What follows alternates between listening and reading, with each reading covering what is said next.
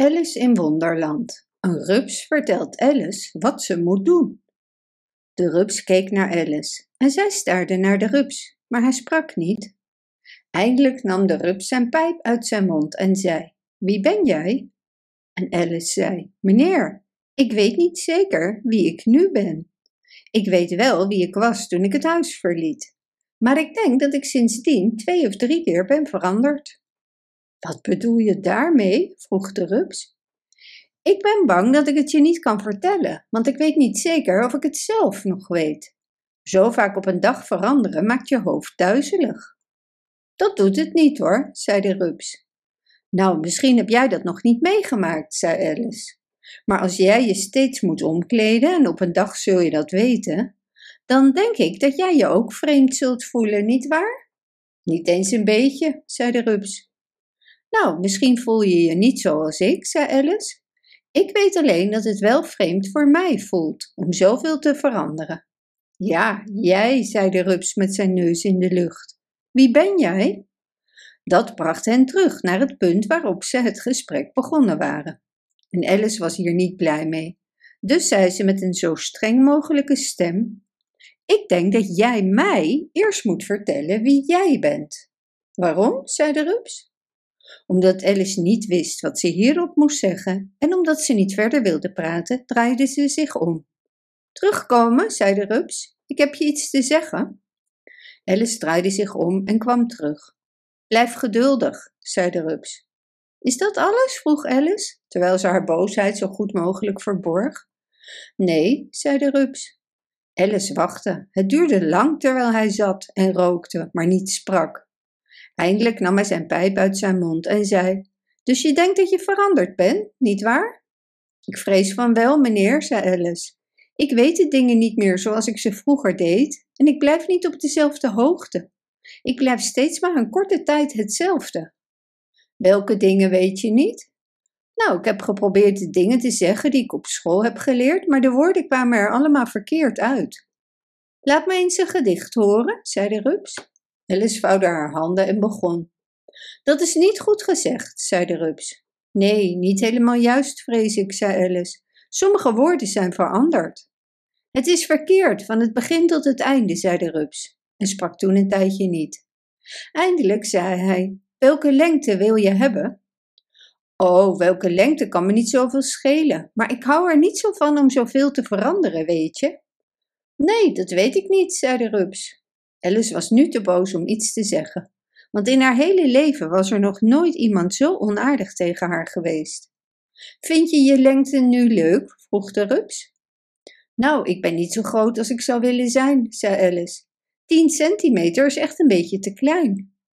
Maar het is een grote hoogte, zei de rups, en hij ging rechtop staan terwijl hij sprak. Hij was zelf ook tien centimeter hoog.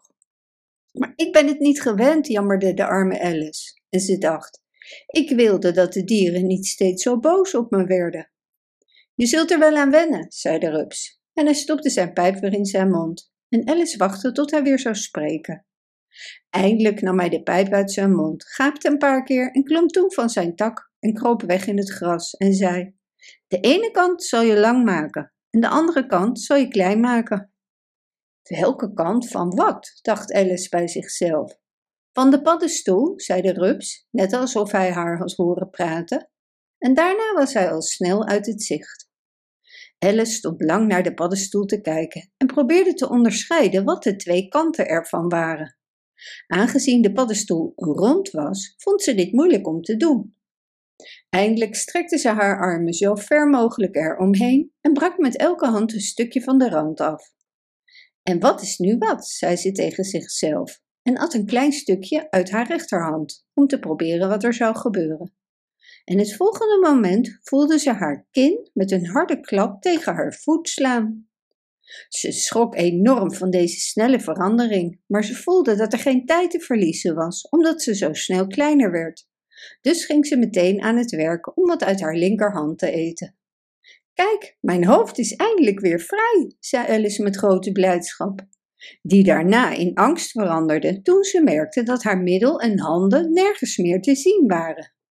Het enige wat ze kon zien toen ze naar beneden keek, was een enorm stuk nek. dat als een stengel leek op te rijzen uit een zee van groene bladeren ver onder haar. Wat kan al dat groen zijn, zei Alice. En waar is mijn middel? En oh, mijn arme handen, hoe komt het dat ik jullie niet kan zien? Oh jee, oh nee. Ze bewoog ze terwijl ze sprak en de groene bladeren trilden, alsof ze haar wilde laten weten dat het haar handen waren, maar ze kon ze niet zien. Omdat er geen kans leek te zijn om haar handen naar haar hoofd te krijgen, probeerde ze haar hoofd naar beneden te krijgen en merkte tot haar grote vreugde dat haar nek kon buigen als een slang. Net toen ze naar beneden boog en van plan was in de zee van groen te duiken, waarvan ze ontdekte dat het de toppen van de bomen waren, deed een scherp geluid haar haastig terugdeinzen. Een grote vogel was in haar gezicht gevlogen en had haar met zijn vleugels geslagen. Een slang, een slang, schreeuwde de vogel. Ik ben geen slang, zei Alice, laat me met rust. Een slang, een slang, riep de vogel en voegde er met een soort snik aan toe. Ik heb alle manieren geprobeerd, maar ik kan ze niet vermijden. Ik weet niet wat je bedoelt, zei Alice. De vogel leek haar niet te horen, maar vervolgde. Ik heb de wortels van bomen geprobeerd en ik heb oevers geprobeerd en ik heb een heg geprobeerd. Maar die slangen, er is geen manier om ze te vermijden. Alsof het niet alleen al moeilijk genoeg was om de eieren uit te broeden, maar ik moet dag en nacht uitkijken voor slangen. Daarom heb ik al drie weken geen oog dicht gedaan. Het is jammer dat je je zo opgejaagd voelt, zei Alice, die nu begon te begrijpen wat hij bedoelde. En net toen ik mijn nest in deze hoge boom had gebouwd, ging de vogel verder, zijn stem verheffend tot een geel. En net toen ik dacht dat ik er eindelijk vanaf zou zijn, oh, weer een slang. Maar ik ben geen slang, zei Alice. Ik ben een. Ik ben een. Nou, wat ben je dan echt? zei de vogel. Ik zie dat je me wel de waarheid wilt vertellen. Ik? Ik ben een klein meisje, zei Alice, hoewel ze niet zeker wist wat ze was, als ze dacht aan alle veranderingen die ze die dag had doorgemaakt. Ik heb in mijn leven al vaker meisjes gezien, maar geen enkele met zo'n lange nek, zei de vogel. Nee, nee, je bent een slang en het heeft geen zin om te zeggen dat je dat niet bent. Ik denk dat je hierna vast en zeker zult zeggen dat je geen eieren eet. Natuurlijk eten meisjes wel eieren, misschien wel net zoveel als slangen, zei Alice. Ik weet het niet, zei de vogel. Maar als ze dat wel doen, waarom zijn ze dan een soort slang? En meer kan ik er niet over zeggen. Dit was zo nieuw voor Alice dat ze aanvankelijk niet sprak. Wat de vogel de kans gaf om toe te voegen: Jij wilt nu eieren, dat weet ik heel zeker. Maar ik wil geen eieren, en als ik dat wel wil, wil ik de jouwe niet. Ik hou niet van rauwe eieren. Nou, ga dan weg, zei de vogel, terwijl hij op zijn nest ging zitten. Alice hurkte zo goed als ze kon tussen de bomen door, want haar nek draaide rond de takken en af en toe moest ze stoppen om de takken weg te duwen. Eindelijk dacht ze weer aan de paddenstoel in haar handen en ging heel voorzichtig aan het werk, om eerst een kleine hap uit de rechterhand te nemen en toen uit de linkerhand, totdat ze uiteindelijk de juiste lengte had. Het was zo lang geleden dat ze op deze hoogte was geweest, dat het in het begin nogal vreemd aanvoelde, maar ze raakte er snel aan gewend. Zo, de helft van mijn plan is nu klaar, zei ze. Hoe vreemd zijn al deze dingen?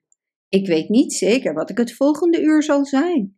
Ik ben blij dat ik weer op mijn juiste lengte ben. Het volgende plan is om in die tuin te komen. Hoe moet ik dat doen? Ik zou het graag willen weten. En terwijl ze dit zei, zag ze voor zich een klein huis, niet meer dan 1,20 meter hoog. Wie zou daar wonen? dacht Alice. Het is helemaal niet goed dat ik nu zo groot ben. Ik zal ze daar vast bang mee maken.